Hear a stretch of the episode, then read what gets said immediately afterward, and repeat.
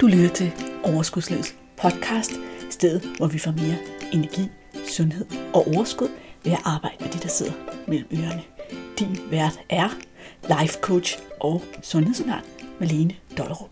Lad magien begynde. Det er næsten ikke til at tro det, men det er faktisk sandt. Du lytter til episode 115 af Overskudslivets podcast. Yes, det bliver en god dag i dag. Det bliver en god podcast episode. Du kan godt glæde dig. I dag skal vi tale om noget, som måske virker banalt. Og alligevel så er det mega svært. Det ved jeg, fordi jeg selv virkelig har øvet mig længe i at blive bedre til det her. Nemlig vores spise tempo. Jeg har hørt det tusind gange. Du har garanteret også hørt det tusind gange. Du skal spise langsommere. Det er godt for fordøjelsen. Du skal tykke maden noget mere. Bla, bla, bla, bla. Yes, okay. Det er rigtigt alt sammen. Og når jeg hører den slags ord, så tænker jeg, det skal jeg have gjort noget ved. Det gør jeg. Næste gang jeg sætter mig ned og spiser, så spiser jeg langsommere. Sker det? No way! Jeg sætter mig ned, jeg spiser min mad, jeg kommer i tanke om det, efter jeg har slugt den sidste bid på tallerkenen. Så, hvad gør man med det? Det tager vi også fat på her på podcasten. Men først så vil jeg give dig en helt anden grund end sundhed og smag på din mad til, at du skal spise langsommere. Nemlig den simple grund, at det er federe at spise hurtigt. Altså, i virkeligheden er det jo ikke spisetempoet i sig selv, der federe vel. Det er vi enige om. Men det, der sker, når vi spiser hurtigt, det er en hel masse ting. Helt sådan på det kropslige plan, så sker der jo en proces inde i din krop med en masse hormoner. Og vi har blandt andet nogle appetitregulerende hormoner, nogle sulthormoner, nogle mæthedshormoner. Og hvis vi spiser rigtig hurtigt, så når signalerne simpelthen ikke at komme op til hjernen om, at du er mæt. Så dine mæthedshormoner når ikke at sætte ind før, at du har spist mere, end du har brug for. Og hvis vi spiser mere, end vi har brug for, bum, så putter vi det på lager. Hvad mener jeg på lager? Jeg mener lige ned i fedtcellerne til en anden god gang. Hvis nu du skulle blive spærret inde i en uge uden mad eller eller andet, hvor du behøver nogle fedtceller til overlevelse, du ved nok. Nå. så er det ikke bare en rigtig, rigtig god grund til at spise langsommere? En anden god grund, og det var noget, jeg virkelig selv måtte erkende, i forhold til, hvad der var, der skete med mig, når jeg spiste hurtigt. Det var, at jeg ofte var ret sulten, når jeg satte mig ned. Især middagsbordet. Inde i mit hoved, der er det middagsbordet, men det sker til alle måltider, det her. For dem, der spiser hurtigt, er det som regel en vane, som de bare kører afsted med. Der kan ligge nogle ting bagved. Det kan vi snakke om senere. Men det, der skete for mig, var, at jeg satte mig ned til middagsbordet og hældte den første portion op til min tallerken. Så sagde det hum, hum, hum, så var den nede. Ikke øh, sådan tempo eller labrador eller sådan noget, ikke? I ved godt, jeg har fået en hund. Jeg har snakket om hunden her i podcasten. Min hund er jo sådan en retrieverhund. Når man sætter mad foran den, så er det ligesom så se sådan en myresluger i trippeltempo. Det siger bare lige... Så, så står han og kigger, hvorfor er der ikke noget mad? Ja, fordi du har spist det. Nå, tilbage til mig og mine tendenser. Så spiser jeg det her mad i et rasende tempo. Og det, der sker, det er, at så har jeg sådan fået fyldt det værste hul i maven. Men jeg har jo på ingen måde oplevet noget, der minder om nydelse. Jeg har ikke nyt min mad, og en af mads funktioner er jo faktisk også at bidrage med nydelse. Det er jo derfor, der findes nydelsesmad, altså mad, som mere eller mindre bare er tomme kalorier, men som vi spiser, fordi det bare giver os nydelse. Der er en podcast episode om nydelse og om at nyde sin mad. Den vil jeg også opfordre dig til at lytte til, og der kommer selvfølgelig et link i episodenoterne. Tilbage til emnet her. Det, der skete, var, at jeg ikke havde nået at nyde min mad. Så en del af mig, en del af min dejlige, helt normale, primitive menneskehjerne følte sig snydt for nydelsen. Så hvad gør jeg så? Jeg hælder en position op, alene med det formål, rent faktisk at nyde den mad, jeg har fået. Har du prøvet det? Kender du det? Sådan sidder der. Hey, det fik jeg da vist ikke rigtig smagt på. Eller så lige indtil, for det smager faktisk rigtig godt, så jeg vil også lige nå at nyde det.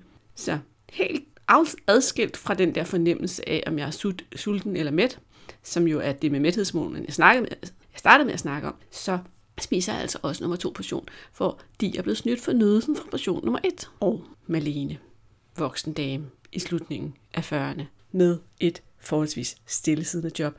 Har du brug for at spise to portioner aftensmad? Nej. Når jeg siger det her, så vil jeg gerne lige sige til dig, at jeg er jo ikke fan af, at vi forsøger at regne ud op i vores hoved, hvor meget vi skal spise. Vi skal ned i kroppen og mærke efter, hvad vi i virkeligheden har brug for. Det er den nemmeste og bedste måde at regulere sin vægt på.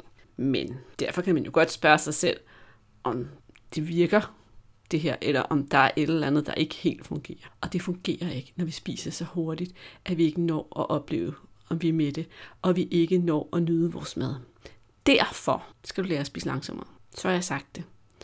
Og hvis du får tics og traumer og modstand væltende op i kroppen, når jeg siger det her, eller når du forsøger, så kan det godt være, at du lige skal i gang med at undersøge, hvorfor det er så svært for dig. Fordi det ved jeg. Jeg ved, at for nogen, der er det bare et spørgsmål om at lære det, og for nogen, der ligger der noget længere tilbage i deres historie, som gør, at de har bygget den her strategi med at spise hurtigt, og de har rigtig svært ved at slippe på den. Der kan det være, at man med fordel kan få hjælp af en coach eller lignende. Lad os sige, at du godt kan se fornuften, og du er fuldstændig klar til at gøre det. Hvordan skal du så gøre det? Uha, det her det har jeg faktisk coachet på mange gange. Men nu afslører jeg nogle af hemmelighederne for dig, lige her i podcasten. Er du klar? For det første, så skal du være klar over, at din hjerne, den elsker at genbruge tanker. Den elsker at køre på autopilot, og den elsker at gøre, som den plejer, fordi det sparer den energi, og det er meget vigtigt for den, fordi den har rimelig meget at lave, den der hjerne.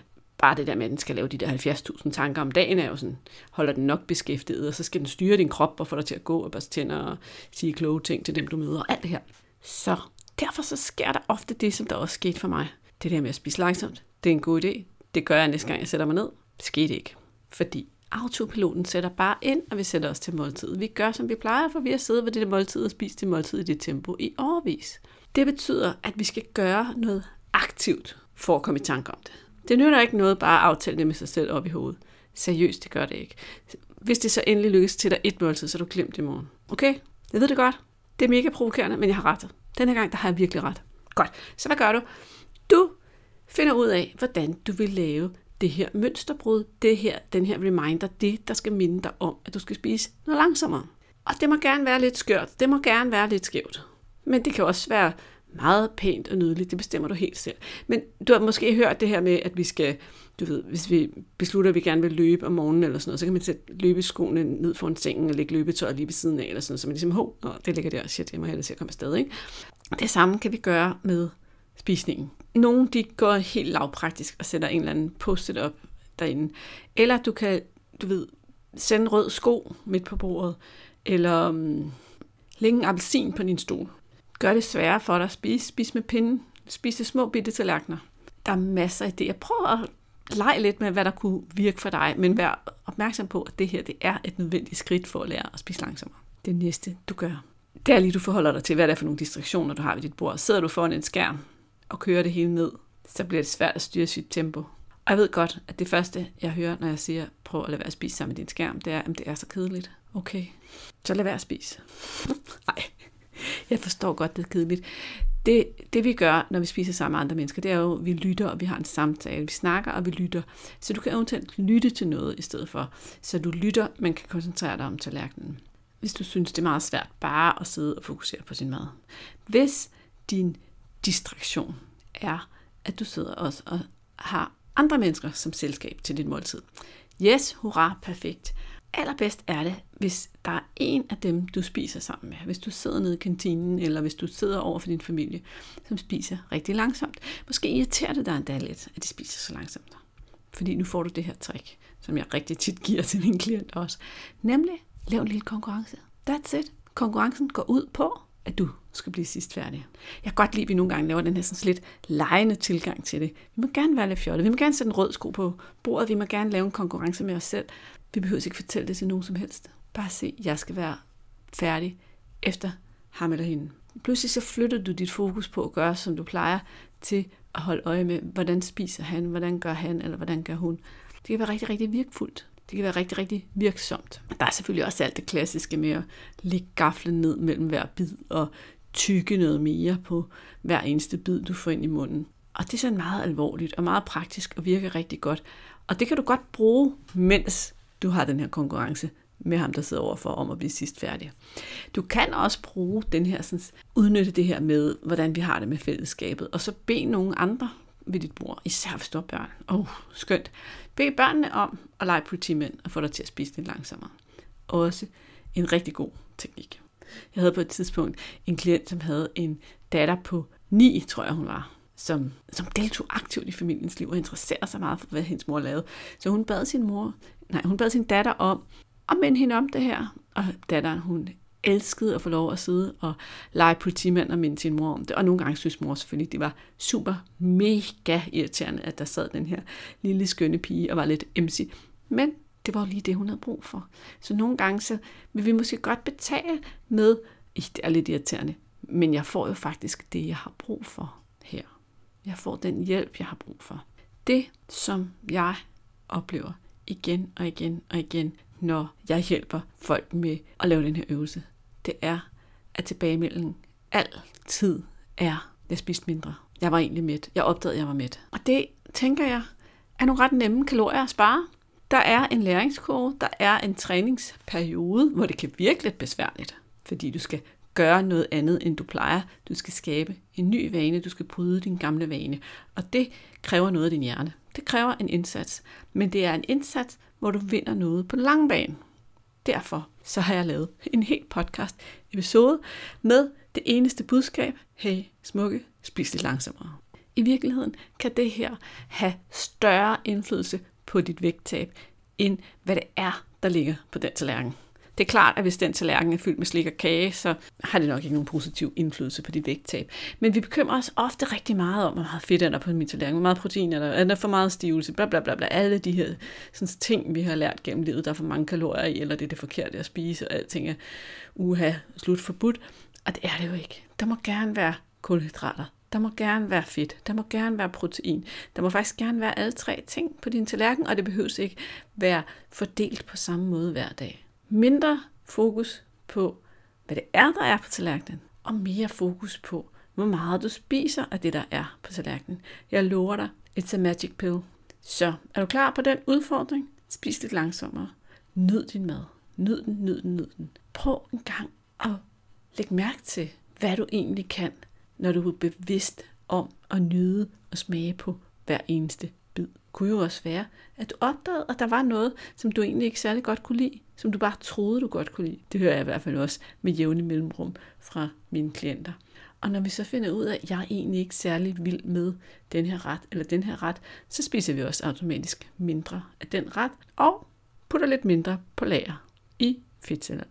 Har jeg nogensinde fortalt jer om min søn, min ældste søn Emil, han har faktisk brugt den her strategi omvendt. Jeg kan simpelthen ikke huske, om jeg allerede har sagt det her i podcasten. Men han havde en teknik nogle gange, hvis han fik noget, han synes, der smagte virkelig godt. For eksempel lasagne. Han elsker lasagne. Eller kylling med svampesauce. Så skulle han spise rigtig, rigtig hurtigt. Jeg kan huske på et tidspunkt, så ringede det på døren, mens vi sad og spiste. Og han var nødt til at stoppe med at spise, fordi der var nogen, der skulle snakke med ham. Og så kom han tilbage, og han var virkelig irriteret, fordi han var lige i gang med at spise noget, og nu havde han jo holdt en pause, og så blev han mæt, og så kunne han jo ikke spise videre. Så han skyndte sig bare at spise rigtig hurtigt, så han kunne spise rigtig meget af det. Det er jo det, man kan, når man er en stor teenage-dreng, som bare rører sig hele tiden og er tynd som en pind. Ikke? Og vi andre, vi skal ikke bruge den strategi. Men jeg synes, det var ret skæg. Jeg var faktisk flad af grin over, at han bevidst skyndte sig at spise, og ikke ville holde pause, for at han kunne nå at spise så meget som muligt. Han var, eller han er, til gengæld også rigtig god til, når han ikke er sulten, og så bare sige, nej, jeg er ikke sulten. Fuldstændig lige meget, hvad du stiller foran ham. Kage, slik, altså kylling, hvad som helst. Hvis han ikke er sulten, så er han ikke sulten, så gider han ikke bruge sin energi og opmærksomhed på mad. Så han har jo stadigvæk et meget sundere forhold til mad, selvom han lige havde den her lille finte, som man godt kan tåle at have, når man er 18, 19, 20 år. Ikke? Godt. Jeg håber, du vil tage nogle af forslagene, som jeg har givet dig i den her podcast episode, og afprøve dem i din egen hverdag, og se, om der gør en forskel for, hvordan det egentlig føles at være dig, når du spiser din måltid, om du bliver i stand til at nyde din mad mere, og om det gør en forskel på, hvor meget du egentlig spiser til måltiderne. Jeg får også lyst til her til allersidst at binde en lille sløjfe på det her, fordi rigtig mange af os, vi er rigtig, rigtig optaget af at spise det rigtige og de rigtige mængder til måltiderne. Og det er også fornuftigt. Det giver god mening, at vi ikke skal spise for meget til måltiderne. Men det jeg oplever hos rigtig mange kvinder, og det som også engang var problemet hos mig selv, det var i virkeligheden ikke kun det, jeg spiste til måltiderne, eller det tempo, jeg spiste i. det var i høj grad det, jeg spiste mellem måltiderne. Så hvis du synes, at du spiser fornuftigt til måltiderne, så handler det selvfølgelig også om at kigge på, hvad er det, du spiser mellem måltiderne? Og hvorfor er det, du spiser det? Hvis du har lyttet med til podcasten her længe, så har jeg jo snakket om det her med, hvordan vores følelser styrer vores handlinger, og hvordan det ofte er følelserne på en eller anden måde, der får os til at spise mellem måltiderne. Derfor kan det også være lettere sagt end gjort bare at lave om på det, fordi ofte så ved vi jo faktisk ikke helt, hvad vi så skal stille op med de her følelser. Så hver gang vi prøver at lave om på det, så er det, vi ender med at bruge en masse viljestyrke for at få det til at ske. Og den dag viljestyrken, den lige slipper op, fordi at livet udfordrer på en anden måde, så er vi tilbage til start. Så jeg vil komme med en anbefaling til dig her som afslutning på podcasten. Hvis du kunne genkende dig selv i den her del med måske at spise på følelserne, måske at spise mellem måltiderne, måske at kæmpe med at forstå, hvad det er, som du spiser for meget af, eller måske at kæmpe med at forstå, hvordan du får spist det, du har behov for, og ikke mere. Hvordan du lærer at spise, når du er sulten, og stoppe, når du er mæt, og ikke spise af andre grunde. Så har jeg en god nyhed til dig. Det er nemlig sådan, at den 13. april 2021, der starter en gang for alle. Det bliver en lille, eksklusiv gruppe, som skal coaches hver tirsdag i et halvt år, indtil de har lært alt, hvad de har brug for, for at få et sundt og naturligt og afslappet forhold til mad, hvor de selv føler, de kan vælge til og fra. Hvor de har lært at håndtere deres følelser, uden at skulle dulme dem med mad. Fordi ja, jeg underviser. Ja, jeg giver værktøjer her. Men jeg hjælper også alle deltagerne til at få de her værktøjer til at virke, til at blive til noget, de kan bruge hver dag i resten af deres liv. Jeg har lavet en gang for alle coachingprogrammet, så det er en investering i din fremtid. Du lærer noget, du kan bruge resten af dit liv. Resten af dit liv skal du ikke tænke på, hvordan du skal løse problemet med mad og vægt. Resten af dit liv kan du bruge på at nyde livet og få nye ting til at ske og udvikle dig og opleve, hvad end livet har at byde på, uden at have et hoved fyldt med tanker om, hvad skal du nu spise, og hvorfor spiser du det, og hvordan lader du være at spise det. Lyder det som noget for dig, så find overskudslivet.dk en gang for alle. Der kan du læse alle detaljerne om, hvordan det er at have sin egen coach, og hvad det er, du skal igennem, og hvordan du tager din plads her. Jeg glæder mig rigtig meget til at hjælpe dig. Okay, lige her til sidst. Kan du huske, jeg sagde for ikke så lang tid siden, at hvis du var den her kæmpe stjerne og skrev en anmeldelse af podcasten, så vil jeg læse den højt her i podcasten. Webermassen, det er blevet din tur. Tak for det. Webermassen har også givet podcasten 5 stjerner og lavet overskriften Overskud imellem ørerne. Jeg elsker at lytte til Malene, der med hendes guldkorn og spændende podcast giver mig energi og overskud. Hjerte. Jeg får næring til det mellem ørerne og bliver nysgerrig på mere viden. Tusind tak, Malene, for din helt nede på jorden måde at forklare problematikkerne på. Tak, søde. Den blev jeg simpelthen også glad for. Gør mig umage med at forklare noget, som kan siges med meget komplicerede ord på en måde, så vi alle sammen, inklusive min egen hjerne, kan forstå det. Så den ramte lige ind i hjertet på mig. Tak. Hvis du har en iPhone og lytter via Apples egen podcast-app, så kan det være lidt svært at finde ud af, hvordan er det egentlig, jeg går ind og rent faktisk skriver en anmeldelse, og ikke bare giver stjerner. Jeg er også glad for stjernerne. Tak for stjernerne, alle jer, der har givet stjerner. Men lad mig prøve at forklare det. Du går ind i dit podcast feed, altså der, hvor du kan se alle de her podcasts, som du abonnerer på og lytter til, og så vælger du Overskudslivets podcast. Nede nederst, der står et eller andet tal episoder. Klik på den linje, hvor der står episoder. Så kommer du ind, og så får du en oversigt over, hvad det er for nogle episoder, som du har inde i din telefon klar til at lytte til. Hvis du så lige tager fingeren og scroller ned i bunden, så hvis du har lidt tålmodighed, det skal man i hvert fald have på min telefon, så kommer der en linje, der hedder tidligere afspillet. Der kommer en linje, der hedder se alle episoder. Og hernede under, der står anmeldelser og vurderinger. Det første, du kan se, det er stjernerne, og det næste er den nyeste vurdering lige nu, mens jeg sidder og læser det her, så er det Webermassens anmeldelse. Og nedunder der, der står der faktisk skriv en anmeldelse. Og der kan du så lige klikke, skrive en titel og hvad du har fået ud af at lytte til podcasten, eller hvad for en episode, der har gjort særligt indtryk på dig, eller hvorfor du synes, at andre skal lytte til podcasten. Giv den det antal stjerner, du synes, den fortjener. Tak sødt for dig, der giver dem fem, og tryk send. Hvis du lytter fra en af de andre apps, er det ikke sikkert, at jeg har fået øje på din anmeldelse. Men jeg har lige skrevet mig bag øret, at jeg selvfølgelig vil tage en runde og for, forsøge at kigge på nogle af de andre apps og se, hvad der står. For jeg ved godt, at nogle af jer lytter fra Stitcher eller Google eller Spotify, og nogle lytter direkte fra bloggen, og der er faktisk også søde ord. Så de kommer også snart med her i podcasten. Hey, inden du løber, glem ikke at abonnere på podcasten, så du ikke går glip af en eneste episode. Og skulle du have fingre i den gratis videotræningsserie Vægtab med din hjerne, så smut ind på overskudslivet.dk-videoserie, så lander den første video i din indbakke i dag.